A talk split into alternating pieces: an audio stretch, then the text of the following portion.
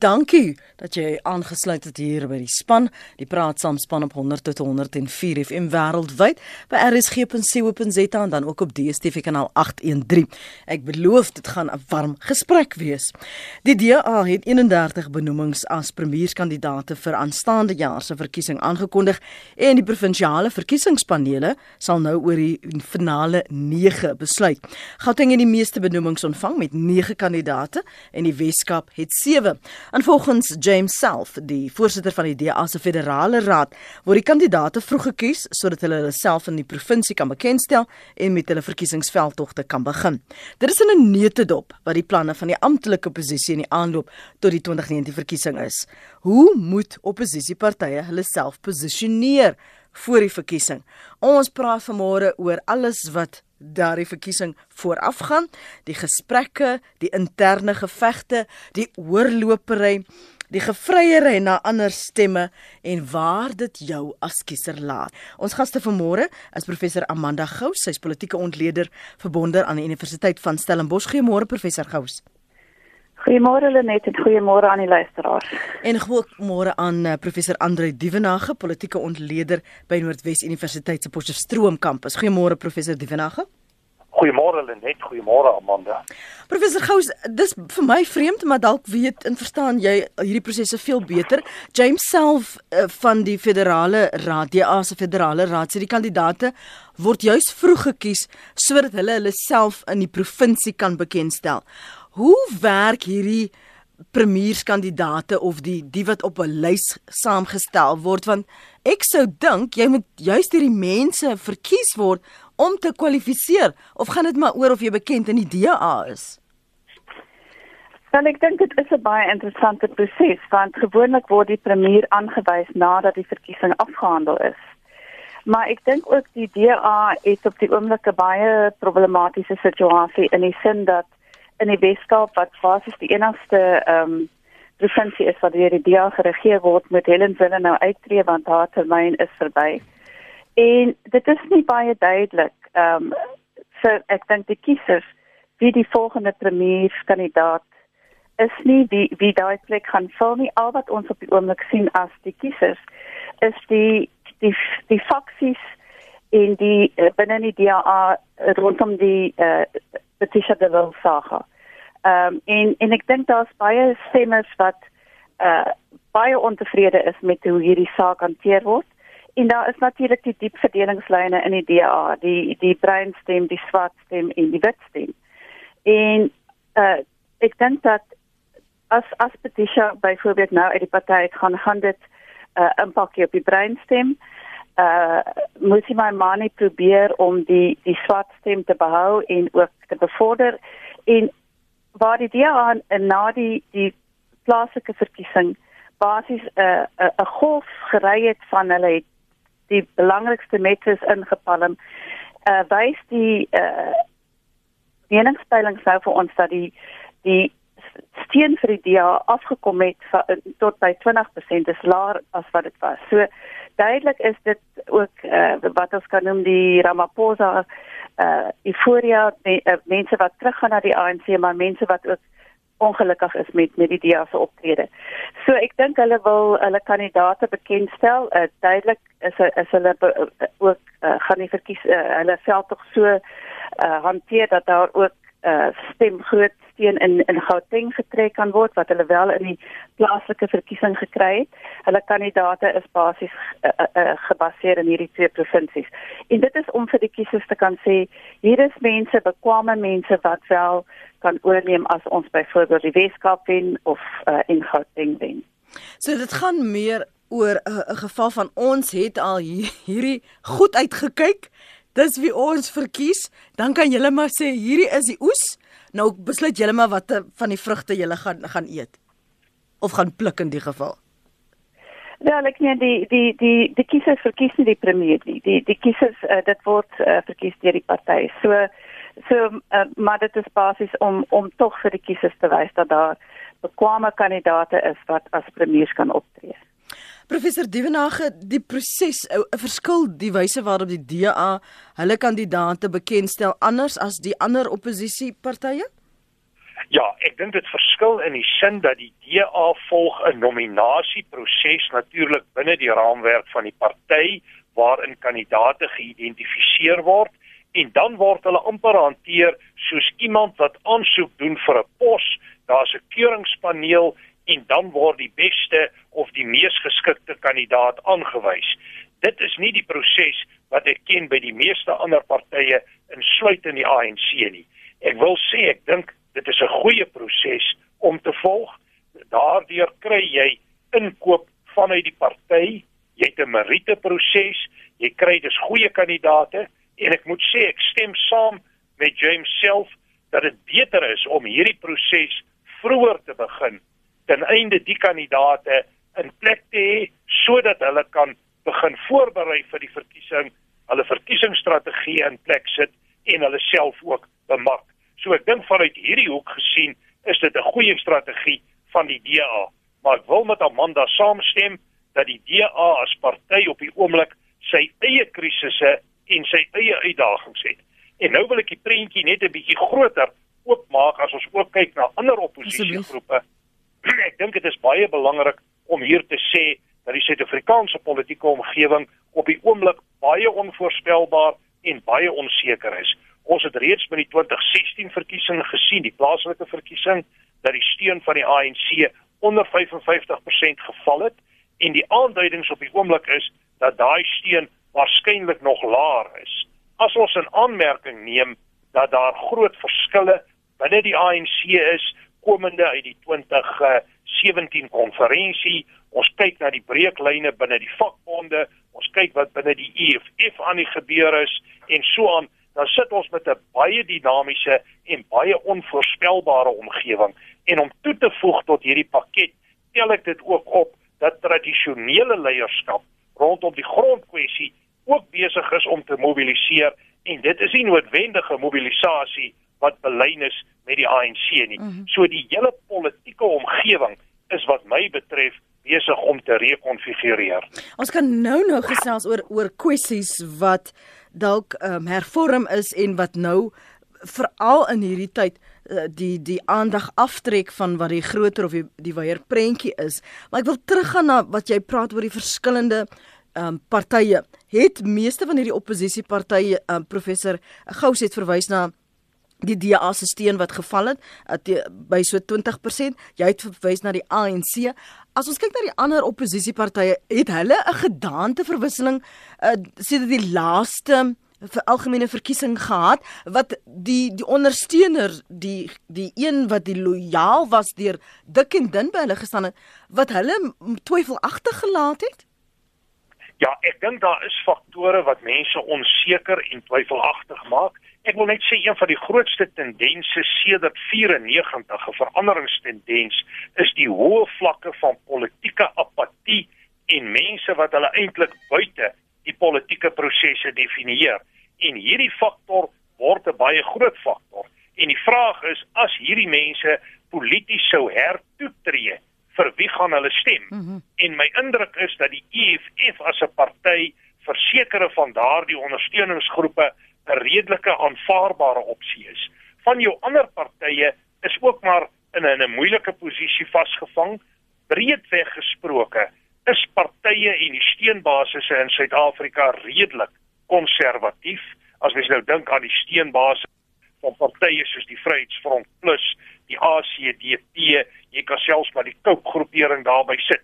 Dit verander nie maklik nie, maar in hierdie omgewing waar ons nou staan, is daar definitief uitdagings en geleenthede en ek dink partye wat hulle goed posisioneer kan 'n impak kry op die mark en kan steun uit die mark ontsluit vorentoe veral in die lig daarvan dat die twee grootste partye in die land die ANC en die Demokratiese Alliansie tans met hulle eie, eie soortige huishoudelike probleme sit. Professor Gous, is dit soos die Engelse sê same old same old of is daar 'n vars briesie wat vir my as ek dan nou my hertoetrede tot hierdie politieke spektrum en ek soek 'n party want ek sien op op op sosiale media sê baie mense ek soek 'n party na wie toe kan ek gaan? Is daar 'n vars briesie? Is daar 'n nuwe trekpleister of is dit maar dieselfde storie, selfe gesigte? Ehm um, ek wil net 'n uh, oomblik uh, teruggaan na die die die herkonfigurasie en ek ek stem saam uh, met met ander dat die die probleem wat ons het uh, op die oomblik is dat daar is net vier partye wat meer as 1% van die steun het. Met ander woorde, daar's 13 partye in die in die parlement waarvan 9 minder as 1% het.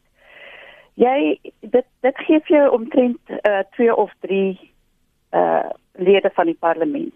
En daarvoor het hy omtrent 40000 stemme nodig om een een kandidaat of een setel in die parlement te kry. Met ander woorde die die kleiner partye is is is baie klein. Hulle het nie baie steun nie. Hulle is gefragmenteer in in baie opsigte, maar hulle bied vir ons dieselfde platforms aan. Met ander woorde, dieselfde vraagstukke, dieselfde uh, weet daar's baie min verskil as jy nou na hulle beleide gaan kyk. Wat op die oomblik uh, gebeur is dat die onafhanklike verkiesingskommissie het het 'n het 'n verklaring gedoen wat sê daar is 500 nuwe partye wat deelneem aan die verkiesing. Op hierdie stadium het hulle 15 geregistreer. Nou, om 'n party te registreer kos R500 en dan het jy R500 handtekeninge nodig. So dit is nie baie nie. Maar as jy werklik gaan deelneem, dan kos dit baie geld. Op die nasionale vlak kos dit R180 000 en op die op die uh, provinsiale vlak R40000. So so ons wat ons sien op die oomblik is daar is allerhande mense met allerhande agendas wat partye registreer. Uh en dit sê vir ons dat die die konteks van hierdie verkiesing is baie vloeibaar, dis baie onstabiel en dis baie onvoorspelbaar. Ehm um, nou ek dink daar is 'n uh, nuwe briesie en die nuwe briesie is grondonteiening wat baie sterk deur die EFF gedryf word en wat nou as beleid aanvaar is deur die ANC. So dit fokus mense se se aandag op wat gaan gebeur. Ja. Gaan is die ANC regtig ernstig? Uh en ons weet dat die EFF uh moedig grondvergrype aan. So ek dink dit gaan daar gaan 'n groot fokus in die verkiesing wees op grond en 'n radikale ekonomiese transformasie.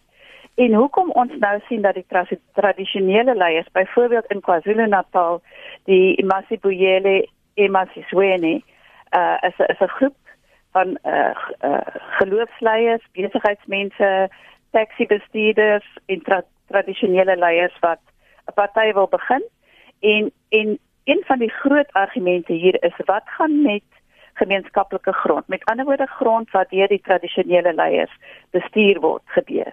Ons weet daar's die hele kontroversie nou rondom die Inkonyama Trust hmm. um, van die van koning uh, wat bestuur word in uh, deur die koning Zwelithini uh, in in die tradisionele leiers in in KwaZulu-Natal. So dit dink ek is die is die die groot fokuspunt en dan gaan daar ander partye wees wat soos die DA wat sê maar grondonteiening sonder kompensasie is nie aanvaarbaar nie. Ons moet op 'n ander manier werk met die grond, ons moet 'n meer regverdige verspreiding kry en so aan. Ehm um, en en ek ek vermoed dat daar 'n hele klomp uh jy weet dat die die lyne tussen die partye getrek gaan word rondom die die die aspek van grond en uh wat die DA in op in hulle manifest uh die eerste groot uh, vraagstuk is is is werkverskaffing. So dis werkverskaffing, dit gaan ook ek dink wees onderwys veral uh, tersiêre onderwys en, en die feit dat ons gaan probeer om om gratis onderwys te verskaf wat nie moontlik is nie. En dan is daar ook die nasionale gesondheids uh versekeringsplan ja. wat ek dink ook uh baie sterk gaan gaan figureer. So ek en en daar gaan 'n groot stryd tussen die ANC en die EFF wees. Ehm um, want as die uh dit is basies die ont is die saak wat hulle verdeel. En die EFF gaan probeer om uh, hulle steun te trek rondom daai en die ANC moet dan ook probeer om uh weet te verhoed dat die EFF steun wegtrek rondom daai kwessie van die ANC. Bob is op die lyn op 4. Môre Bob. Haai, goeiemôre. Gaan dit goed daar by julle? Ja, dankie. En hoe gaan dit met jou? Nee, baie goed, baie goed. Ek wil net graag ehm um, uh, noem ehm um, ek ek is betrokke uh by 'n uh, 'n uh, 'n uh, swart koning. Uh ons het 'n politieke party geregistreer hier in die einde van verlede jaar uh, met 'n spesifiek die klem op die steen van die tradisionele leierskap en natuurlik dan die uh stelsel wat verander moet word. Ons kan nie onder die huidige politieke stelsel voortgaan, jy weet. Uh ons sit steeds onder die druk van kolonialisme of dit nou Britse kolonialisme was of Portugees of Spaans of wat dit ook al was. Uh jy sit in 'n stelsel waar kolonialisme oorheers en die plaaslike bevolkingsgroepe vind dit totaal onaanvaarbaar. As jy kyk byvoorbeeld na jou na jou onderwysstelsel, as jy sou kyk na die geskiedenis wat hulle wil inbring, dat dit met 'n verpligte vak word. As jy na geskiedenis kyk en jy gaan lees oor die geskiedenis, ehm um, is dit 'n ongelooflike, ongelooflike klop kennis wat daar is. Ek het byvoorbeeld die afgelope jaar dink ek meer geleer oor die geskiedenis van suidelike Afrika as wat my hele skoolloopbaan my geleer het omdat hulle vervlug was om net sekere geskiedenis aan ons te leer. Maar ons party wyk heeltemal af van hierdie stelsel en nou kom dit 'n federale stelsel na vore waarin ons gaan 'n huis van monarge, as ek kan sê 'n royal house of monarchs, gaan stig en alle monarge sal hulle plek daarin vind. Okay, sorry voor ekskuus ja? voordat jy nou yes. vir my 'n eensetting gee van wat jy alles beplan.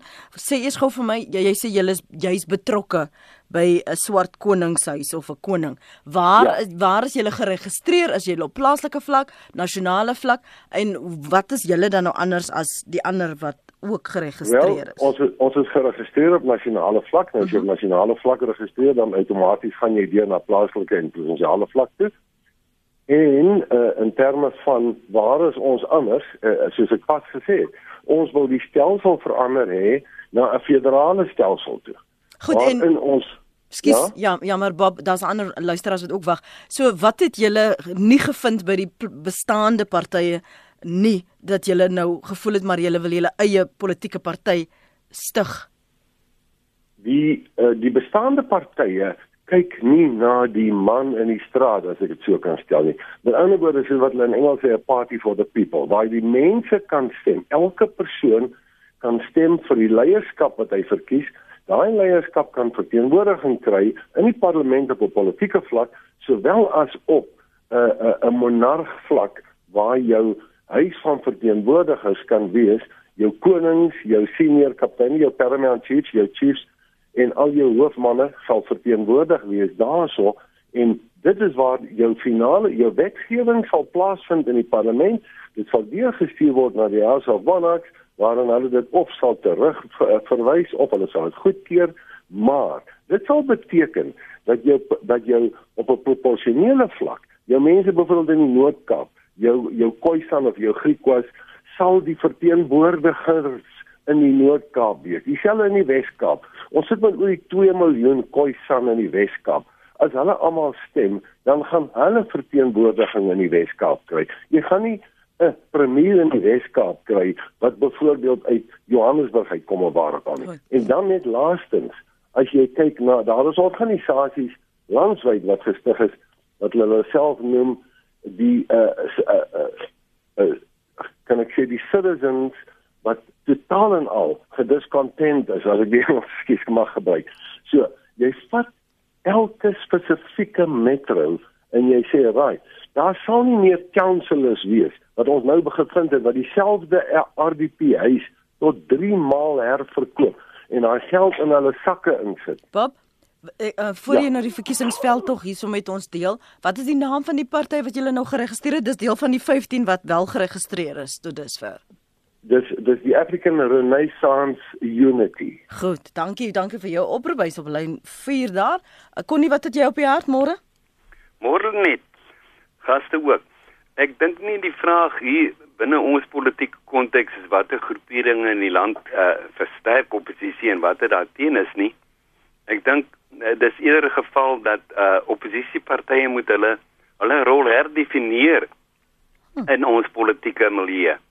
En ek ek dink die uitdaging vandag vir oppositiepartye eerder om die regering uh, by te staan in die opstel van uh, ons nasionale prioriteite en dit te beïnvloed toe te sien dat dit ooreengekom word uh of aandag gaan gegee word. Uh ek ek sien nie oppositiepartye nie net as oppositie nie, maar ook as deel van die regering en daarom dink ek is dit 'n geval waar hulle hulle self moet herdefinieer. Baie dankie, mooi dag. Baie dankie Connie of dis uh, van ons luisteraars se menings. En professor Divenage het nog geluister wat sê Baben, wat sê Connie jou vinnige kommentaar daarop, maar ook wat het die verskillende oppositiepartye van mekaar onderskei dat Connie die behoefte sien dat hulle dalk moet herdefinieer. Wel, uh, ek wil begin deur te sê dat Amanda was heeltemal reg as sy sê die fokus is radikale ekonomiese transformasie en die lyne gaan baie sterk loop rondom grond en dit gaan ook rondom kwessies soos gesondheid, onderwys, dienslewering en so meer. Nou die vraag, hoe posisioneer politieke partye hulle self in hierdie verband en spesifiek dan oppositiepartye? En ons moet onthou daar is baie diep ideologiese verskille tussen politieke partye dit is nie altyd net moontlik vir politieke partye om met mekaar saam te werk en te ondersteun nie. Dit wils reflekteer partye ook maar die verdeeldheid in die groter samelewing. 'n Mens kan wel sê daar's baie 'n noodsaak vir 'n regering van nasionale eenheid en 'n regering wat kan samewerking oor die lyne bevorder en op 'n manier probeer meneer Ramaphosa juis dit bevorder. Maar aan die ander kant hoe gaan die demokratiese alliansie en die ANC konsensus kry oor kwessies rakende grond en grondeienaarskap en die hele kwessie van onteiening sonder vergoeding. Hier is baie diep ideologies gelaaide standpunte en denke in hierdie verband. So ek dink die perspektief dat hulle net moet ondersteun is nie so eenvoudig nie. Daar kan ondersteuning wees. Ek verstaan wel dat daar bepaalde ooreenkomste tussen oppositiepartye onderling bestaan wat hulle in spel gaan bring na afloop van die verkiesing in oppositie tot die ANC. Ons moet onthou dat ons uh, regering oppositie stelsel se tradisie kom uit die ou Westminster stelsel en dit is maar 'n stelsel met redelike hoë vlakke van kompetisie en dan ook konflik. Ander punt wat ek net wil noem, ek dink die hele perspektief oor is dat die African Renaissance Unity is 'n baie interessante een en 'n baie belangrike ontwikkeling in die Suid-Afrikaanse politiek. Ek tel dit op dat daar toenemend 'n stuk identiteitspolitiek besig is om los te kom in Suid-Afrika en jy tref dit breed aan onder die verskillende gemeenskappe in Suid-Afrika en ek moet sê ek sal nie verbaas wees as daar partye met sodanige inslag na vore kom in die verkiesing nie maar die groter historiese lyn van partye in Suid-Afrika wys vir ons dat nuwe partye nie maklik 'n vinnige en 'n groot impak maak op die politieke proses nie. Uitsonderings in die verband Cope en waarskynlik die EFF, maar ek sien nie dat 'n groot getal nuwe partye te voorskyn kan kom wat 'n groot politieke verskil kan maak. Wanneer wel 'n nuwe party is, professor Gous, gaan dit als oor tydsberekening of gaan dit oor dat dit merkbaar baie vinnig 'n verskil maak of is dit soos baie ontleeders meen die populistiese uitsprake wat dan nou 'n nuwe gehoor trek Ja, ehm um, ek ek dink as ons kyk na hoekom was die EFF so suksesvol in om aan die eerste verkiesing 25 setels te kry en 6% van die stem is omdat hulle iets radikaal anders gebring het na die tafel. Met daai populistiese inslag, ehm um, het hulle basies die die ANC geopeneer en uh, kwessies van grond en nasionalisering van myne en so aan op die agenda gesit. Maar ons moet ook kyk na watter kiesers uh trek hulle mm -hmm. na die party toe. En en as ons kyk na wie stem vir die EFF, dit is jong uh swart mense wat uh baie is werkloos, baie het 'n lae vlakke van onderwys wat wat basies baie uh soos ons in die, in Engels al sê dispossessed voel, wat uitgesluit voel uit uh, die politiek wat voel daar is vir hulle geen toekoms nie. Ehm um, hulle het nie die nodige onderwys om hulle basies uh weet die die meeste die tipe werk wat hulle sal kan doen is is handearbeid. En mense wil basies jong mense wil vir hulle self 'n toekoms uh, beding en en dit is hoekom die EFF vir hulle baie belangrik is. Maar as ons gaan kyk na hierdie klein partytjies wat ek nou reeds genoem het, minder as 1% van die steun het, dan is is daar baie min wat hulle van mekaar laat verskil en ek dink baie keer gaan dit rondom die leiers, uh Cope met uh Terra Lakota, uh die UDM met Bantole Misa en so 'n belangrike politieke leiers is omdat hulle bereid was om ook op te staan teen die teen die ANC. Ek het 'n ander perspektief oor hierdie klein partye. Kyk na die kiesstelsel, geen drempel nie. Nee, in baie lande waar dieselfde kiesstelsel wat ons het, 'n lysstelsel, uh proporsionele verteenwoordiging met 'n lysstelsel, sit 'n 2% of 'n 5% drempel in. Wat beteken jy kan nie 'n setel in die parlement kry as jou party nie 2% of 5% van die steun het nie. Nou as ons dit doen dan dan is daai nege partye uh, het hulle geen setels nie. En dit is miskien 'n manier om hierdie klein partye te ver, te verenig. Ja. In 'n meer 'n groter party wat wat 'n harde stem in in die oppositie sal hê. Nou dit is nie 'n populêre uh, posisie om te die een wat ek het nie want mense hou aan om te sê ja, maar elkeen van daai partye bring iets na die tafel. Ek is nie so oortuig daarvan nie. Ek dink die ACDP miskien staan uit omdat dit godsdiens eh, 'n uh, baie belangrike mm -hmm. faktor is. Maar as ons nou nog meer klein partye kry, nê, nee, en die, in, uh, met met 15 nuwe partye en 500 hoopvol om te registreer, ehm um, fragmenteer dit die oppositie. En dit beteken as jy kyk waar word beleid in die parlement gemaak, dit word in die portefeulje komitees gemaak. En om jou stem te laat hoor in 'n portefeulje komitee moet jy iemand hê wat daar sit. Nou as jy net twee lede in die parlement het en ses komitees sit per dag, dan kan jy net twee portefeulje komitees bywoon en 'n en 'n inset lewer. So dit is baie moeilik om so 'n klein party in die parlement te wees en werklik produktief jou stem te laat hoor. Mhm. Ehm mm um, en so so my vraag is wat ons enigstens by hierdie kleiner partye. En ek dink ek stem saam met Andre dat ons gaan nie 'n party sien wat nou, jy weet, vir die eerste keer deelneem aan 'n verkiesing en 20% van die steun kry nie. Dit is net nie moontlik nie want daar is 'n spesifieke skap waar 'n party reeds geposisioneer is. Ons is 'n een party dominante uh stelsel. Dit wat beteken die ANC het sedert 94 nog elke verkiesing gewen. Die steun het wel afgekom, maar ek dink Ramaphosa het wel iets gedoen om die steun weer te laat styg. So die ANC domineer die veld en die ander partye met ander woorde moet probeer om steun weg te trek van die ANC en dit is nie baie maklik. So, hoe sien jy en eerstens Andre, deel jy maar dis 'n sentiment dat die kleiner partye moet raakpunte probeer vind om 'n sterker stem en impak te kan hê want andersins uh, fragmenteer hulle die oppositie. En hoe volhoubaar is hulle dan? Regtig waarin in die politieke langtermyn wat jy uh, uitkyk het.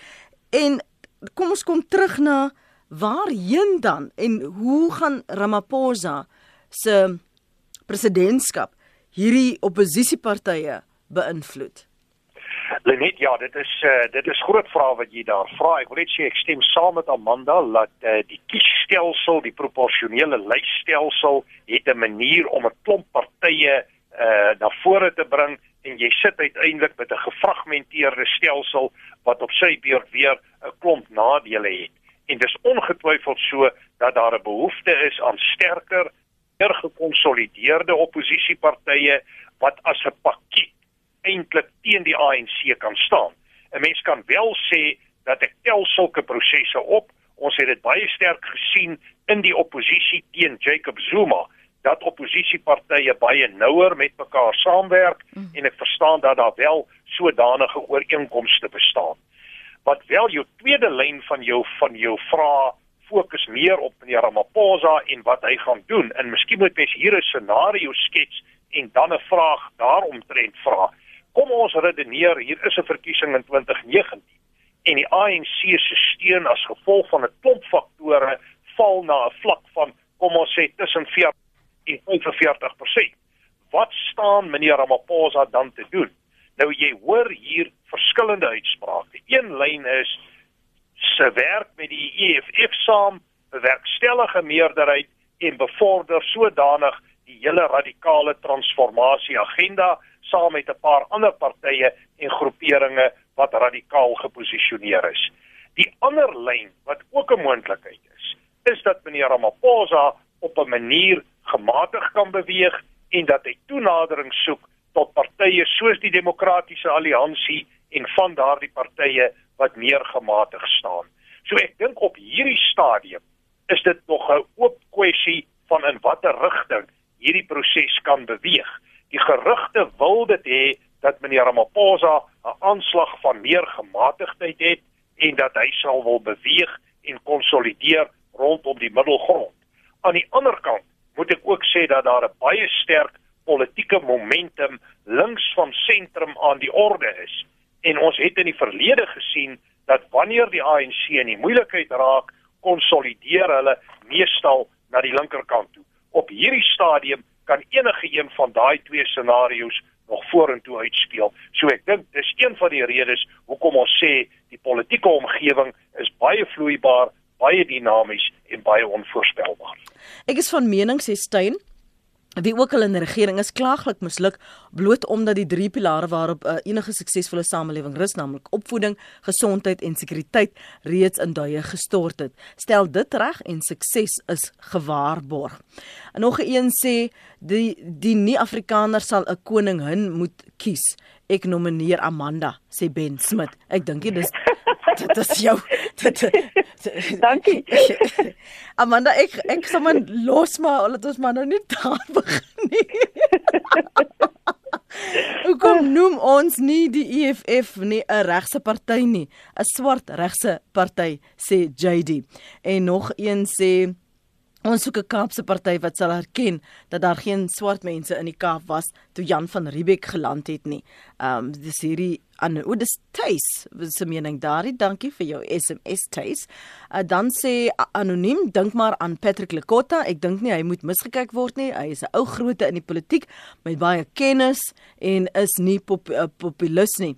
Ek sal graag jou gaste se mening wil hoor. Ons kan nou praat oor die kandidate en wie daar uh, op die voorgrond is. Baie dankie vir daardie SMS en 'n uh, luisteraar William wat sê listening to Bob I thought it was the 1st of April. Pierre wat het jy op jou môre? Môre net. Ek gaan weer eh uh, uh, duif of 'n kat in die hoenderlok hok los. In elk geval, al wat ek wil vra vir die kiesers is julle moet besluit of julle Suid-Afrika wil wil terugneem. Julle moet stem en julle moet stem vir die regte party. Ek kan nie vir julle sê vir watter party moet julle stem nie, maar ek kan 'n idee vorm dat daar is net een party en al die tussen al die partye wat in die hof hof toe gegaan het om te beklei vir Afrikaans. Die regbank het vir Engels, die universiteite het vir Engels, almal het vir Engels. Ons Afrikaners subsidieer die Engelse om ons te ondergrawe. Maar ons staan nie op nie en ons stem nie. Daar's hoeveel daai miljoene wat nie stem nie. Want hulle wil nie vir die party stem nie, hulle wil nie vir daai party stem nie. Maar jy is Afrikaner staan op en vat die land terug. Dit is my wat ek kan sê. Totsiens. Bye. Totsiens en bye. Totsiens en bye. Peer, dankie vir jou mening daar. Kan ek gou op 'n punt wat Peer aanraak? Jy het nou net gepraat oor kwessies, kwessies. Jy het gepraat oor die radikale ekonomiese vryheid, tersiêre onderwys, nasionale gesondheidsversekering, selfs dienslewering wat ter sprake kom. Ons het gepraat ook oor grond en eiening sonder vergoeding. En Amanda, jy het gepraat van die bestaansreg, ek gaan maar bestaansreg in aanhalingstekens plaas van 'n ACDP wat op godsdienstlyne dan groepeer. Is daar nog plek vir daardie soort denke om volgens 'n taal voorkeur te groepeer, maar jy wil 'n politieke party wees en jy wil stemme trek of moet jy weier beginne dink? Uh Lenet, ek dink die die weet as ons nou praat van van taal en en praat van byvoorbeeld die godsdienst kwessie is dat dit gaan oor minderheidsregte en en jy weet as jy 'n party rondom minderheidsregte vorm dan bly jy altyd 'n klein party omdat minderhede klein groeperings is.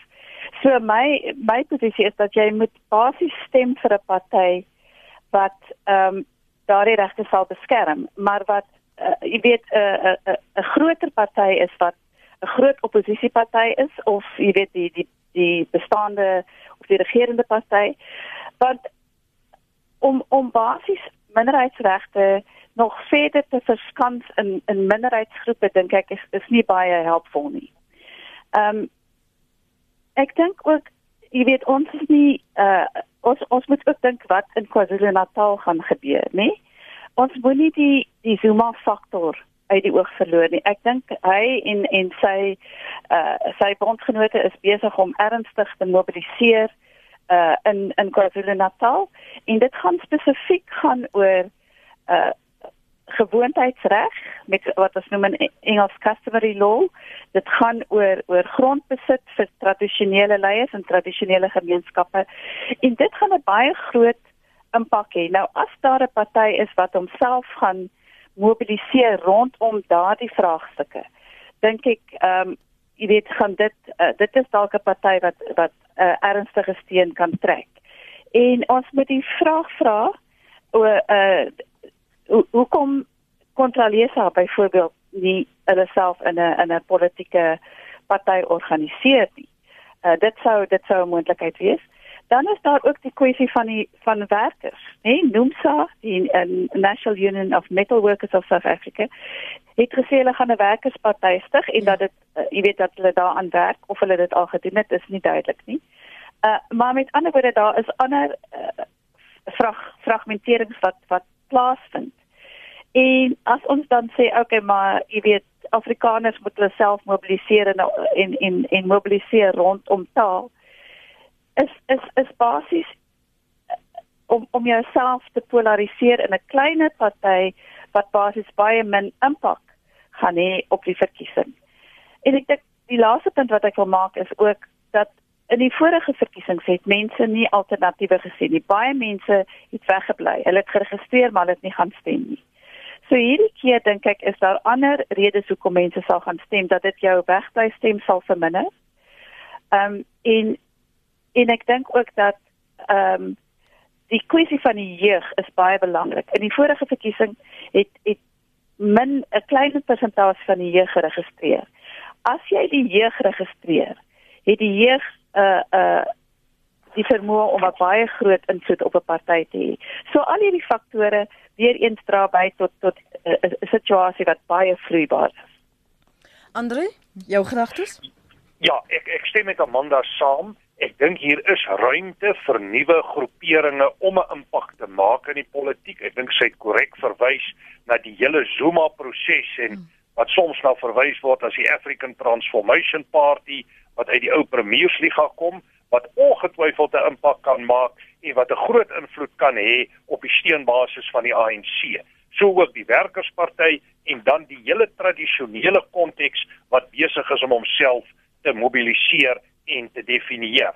Maar ek dink belangrik as ons kyk na die politieke prosesse in Suid-Afrika en die partye wat daaruit tot stand kom, is dit ook maar 'n afskaduwing van wat in die groter samelewing aan die gang is. En op die oomblik is die samelewing besig om ernstig te fragmenteer. Hy is besig om uitmekaar uit te val.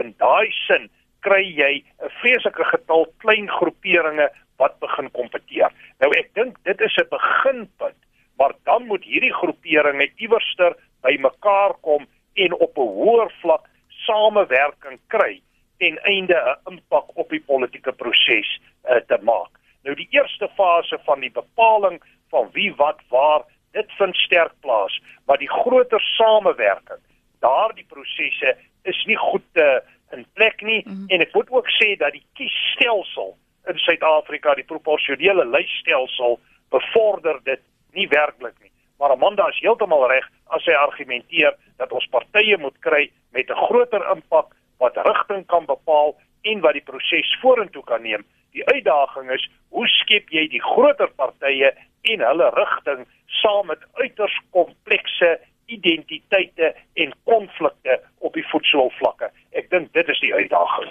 Kom ons praat gou vinnig oor die kandidate en die gesigte. Uh een van die luisteraars vra hier, is die EFF besig om te groei of gaan hulle terug ANC toe? Ek herinner my Panjasin Lesofie hier in Gauteng het nou die ander dag gesê dit was 'n fout om vir Julius Malema te laat gaan. Um en daar was ook al ander uh geluide gemaak oor dalk moet daar nader beweeg word aan die EFF juis vir daai steen wat verlore is. Hoe moet ons hierdie kandidate sien en hoe hulle hulle self posisioneer? Een van die luisteraars het verwys na Lesotho uh, Msoele Kotta byvoorbeeld uh, wat mense nie die oog moet verloor nie Amanda. Ja, ehm um, ek dink jy weet dit is dis baie interessant die die politieke leiers van die partye want uh, ons is al so lank met met baie van hulle bekend. Ehm um, en ek dink Julius natuurlik is vir baie mense 'n doring in die vlees. Die die feit dat hy uh, 'n populis is, dat hy geweldig rassisties is teenoor wit mense, teenoor Indiërs maak nie saak nie. Hy is uitgesproke en en dit dit blyk dat niemand in staat is om hom in die bek, bek te ruk nie. Ehm um, nou nou natuurlik dit dit soos ek reeds genoem het, uh, die populisme trek kiesers uh, na sy party toe, so dit is vir hom 'n manier uh, uh, om om om sy party te bevoordeel. Ek dink die die die kwessie van die leier van die ANC uh, Cyril Ramaphosa is, is 'n belangrike uh, persoon wat wat basies 'n baie ongure geskiedenis geërf het toe hy president geword het, die hele Zuma kwessie. En hy is 'n gematigde leier en hy probeer om verskillende faksies in die party bymekaar te kry en bymekaar te hou. Ek dink dit is baie moeilik en ek dink hy word konstant ondergrawe deur die Zuma faksie. So en dit dit maak dit dan ook baie onduidelik wat die steen vir die ANC op die ou ende gaan wees. Sal Julius Malema teruggaan na die ANC? Ehm um, ek dink daar is daai daai argument word gereeld gemaak, maar ek dink Malema is geweldig ambisieus. Hmm. Ek dink in die in sy agterkop wil hy die president wees. En hoekom sal hy teruggaan na die na die ANC? Wat wat hom, jy weet, dan word hy net weer een van die baie rolspelers in in 'n groter party. Ja, ek dink uh, Mosela Kota, uh, hy is ook 'n gematigde leier en en wat jy weet gereeld die die geskiedenis van die bevrydingsstryd ophaal en sê dis waar ons waar vir ons geveg het, nie waar waarmee ons op die oomblik sit met al die korrupsie en die die wanpraktyke uh, en so aan nie.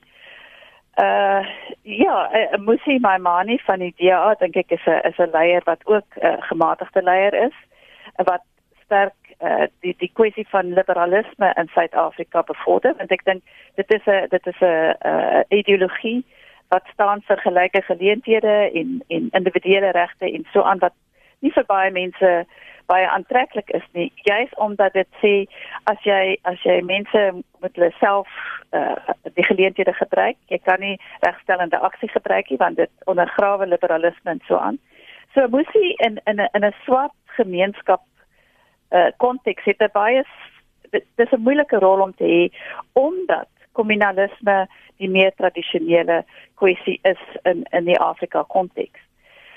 Ek dink die ander ding uh, wat dat Andre uh, genoem het is die kwessie van identiteitspolitiek. So daar is 'n groot klomp identiteitspolitiek wat aangaan en ek dink vir my is een kommer dat dit gaan fragmenteer rondom etnisiteit. En sodra as wat jy etniese politieke partye begin kry, uh, kan ons kyk na die geskiedenis in Afrika uh waar daar verkiesings is wat geveg word rondom uh etnisiteit en dit lei tot geweldige konflik en geweld.